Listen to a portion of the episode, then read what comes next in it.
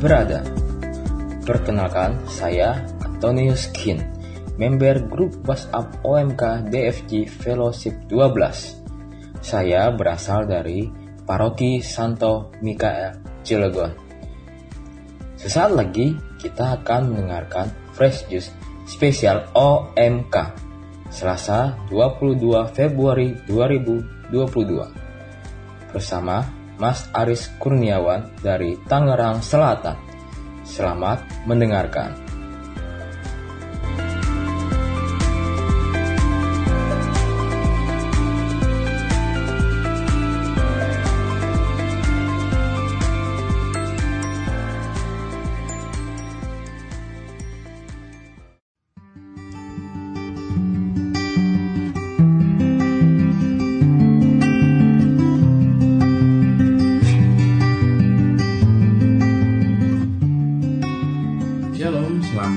Pagi para pendengar Daily Fresh yang terkasih dalam Kristus Teman-teman OMK, Oma, Opa, Om, dan Tante semuanya Kiranya berkat Allah hari ini membuat Anda sehat dan bersuka cita Berjumpa lagi dengan saya Aris Kurniawan dari Tangerang Selatan dalam renungan Daily Fresh edisi spesial OMK.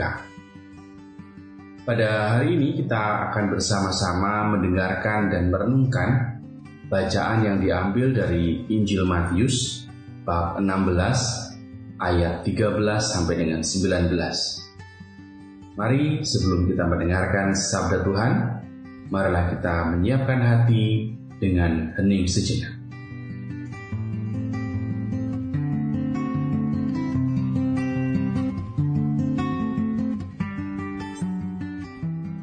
Inilah Injil Yesus Kristus menurut Matius. Sekali peristiwa, Yesus tiba di daerah Kaisaria Filipi. Ia bertanya kepada murid-muridnya, kata orang, siapakah anak manusia itu? Jawab mereka, ada yang mengatakan Yohanes Pembaptis, ada juga yang mengatakan Elia, dan ada pula yang mengatakan Yeremia atau salah seorang dari para nabi. Lalu Yesus bertanya kepada mereka, "Tetapi apa katamu? Siapakah aku ini?" Maka jawab Simon Petrus, "Engkau adalah Mesias, Anak Allah yang hidup." Kata Yesus kepadanya, "Berbahagialah engkau Simon bin Yunus, sebab bukan manusia yang mengatakan itu kepadamu, melainkan Bapakku yang di surga. Dan aku pun berkata kepadamu, engkau adalah Petrus, dan di atas batu karang ini akan kudirikan jemaatku, dan alam maut tidak akan menguasainya. Kepadamu akan kuberikan kunci kerajaan surga. Dan apa yang kau lepaskan di dunia ini akan terlepas di surga. Demikianlah sabda Tuhan. Terpujilah Kristus.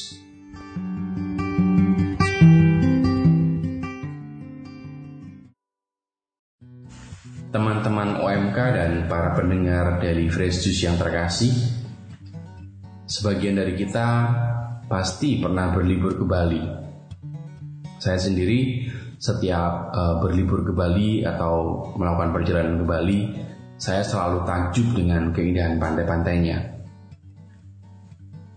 Tentu saja selain menjadi tempat yang paling romantis untuk uh, menikmati matahari terbit atau terbenam, saya selalu menyukai uh, tempat di Uluwatu dan juga di Tanah Lot yang kadang membuat saya sangat takjub.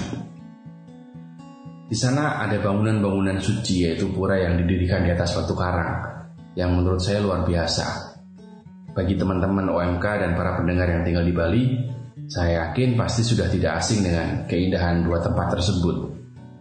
Saya takjub karena bangunan-bangunan suci itu tetap berdiri kokoh, meskipun diterjang ombak setiap saat, bahkan mungkin juga badai.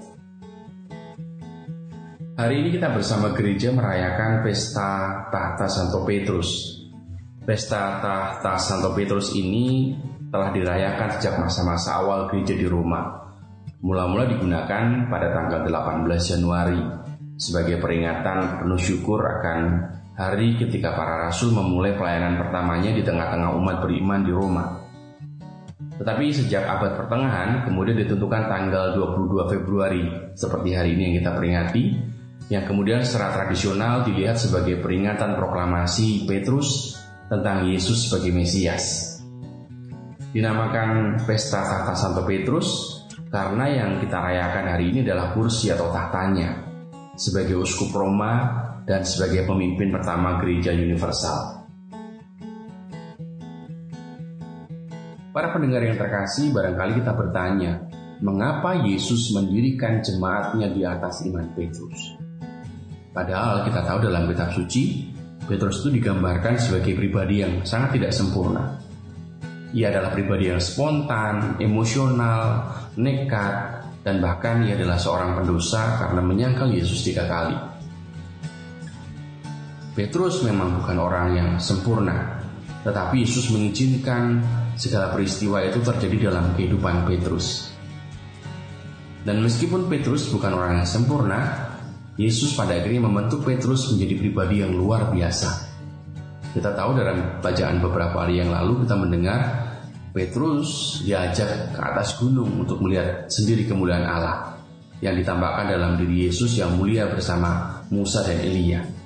Kemudian juga dipisahkan Petrus uh, menjala ikan semalaman tidak dapat, kemudian diminta oleh Yesus bertolak lebih dalam, kemudian akhirnya ia mengikuti dan mendapatkan ikan sangat banyak. Nah, dari pengalaman peristiwa-peristiwa ini kita bisa melihat bahwa ternyata Petrus adalah pribadi yang mau dibentuk dan mau dibimbing oleh Yesus. Dan puncaknya pada hari ini dalam pengakuan iman ketika Yesus menanyakan siapakah aku ini menurutmu? Yang menjawab Petrus dengan mengatakan bahwa engkau adalah Mesias, anak Allah yang hidup. Pengalaman Petrus ini, pengakuan iman ini bukan berdasarkan apa kata orang, tetapi pengalaman iman yang lahir dari pergulatan dan jatuh bangunnya Petrus. Maka inilah yang menjadi dasar bahwa Petrus layak menjadi pondasi untuk pendirian gereja yang kokoh di atas batu karang. Para pendengar yang terkasih, dari pengalaman Petrus ini kita belajar bagaimana sesungguhnya kita harus beriman Beriman seperti Petrus artinya beriman bukan berdasarkan dari kata-kata orang, tetapi dari pengalaman jatuh bangun sampai pada akhirnya menemukan pengakuan iman pribadi tentang siapa Yesus itu. Dan yang kedua, beriman seperti Petrus artinya kita juga mau bertobat dan dibentuk oleh Yesus sendiri. Pengakuan iman Petrus adalah dasar yang kokoh untuk mendirikan gereja karena dibangun di atas batu karang. Maka kita pun juga bisa mendirikan gereja-gereja kecil dalam kehidupan kita, baik di dalam keluarga atau komunitas kita atau tempat di mana kita tinggal, asalkan didirikan dari pengakuan iman yang sama. Kita mewarisi iman Petrus karena kita menjadi bagian dari gereja yang didirikan oleh Yesus sendiri. Dan iman Petrus itu sekokoh batu karang. Maka jika kita ingin beriman seperti batu karang, kita harus berani bergulat dalam situasi sulit kita, dalam hidup kita, dalam jatuh bangun, dalam situasi yang tidak mudah, dalam tekanan, bahkan juga dalam dosa-dosa kita. Intinya, kita harus siap diempas ombak dan badai dalam hidup ini. Sampai pada akhirnya, kita juga mau dibentuk oleh Yesus sendiri dan menemukan pengakuan iman personal kita tentang siapa Yesus di dalam hidup kita. Teman-teman OMK dan para pendengar dari Yesus yang terkasih, mari kita bersama-sama beriman seperti batu karang, agar hidup, keluarga, dan komunitas kita dapat berdiri kokoh.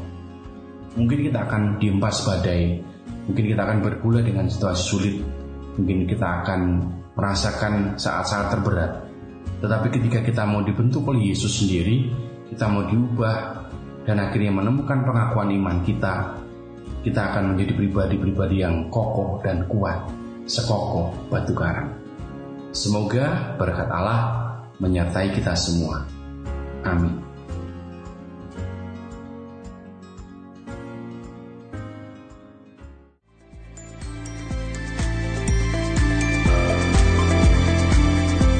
Fresh Juice, kita baru saja mendengarkan Fresh Juice spesial OMK Selasa 22 Februari 2022. Terima kasih kepada Mas Aris Kurniawan untuk renungannya pada hari ini. Sudahkah iman kita kokoh seperti batu karang? Bagi teman-teman OMK yang ingin bergabung di grup WhatsApp OMK DFG, bisa segera DM akun Instagram at salam fresh juice. Sampai berjumpa kembali dalam Fresh Juice spesial OMK selanjutnya. Selalu jaga kesehatan dan tetap semangat.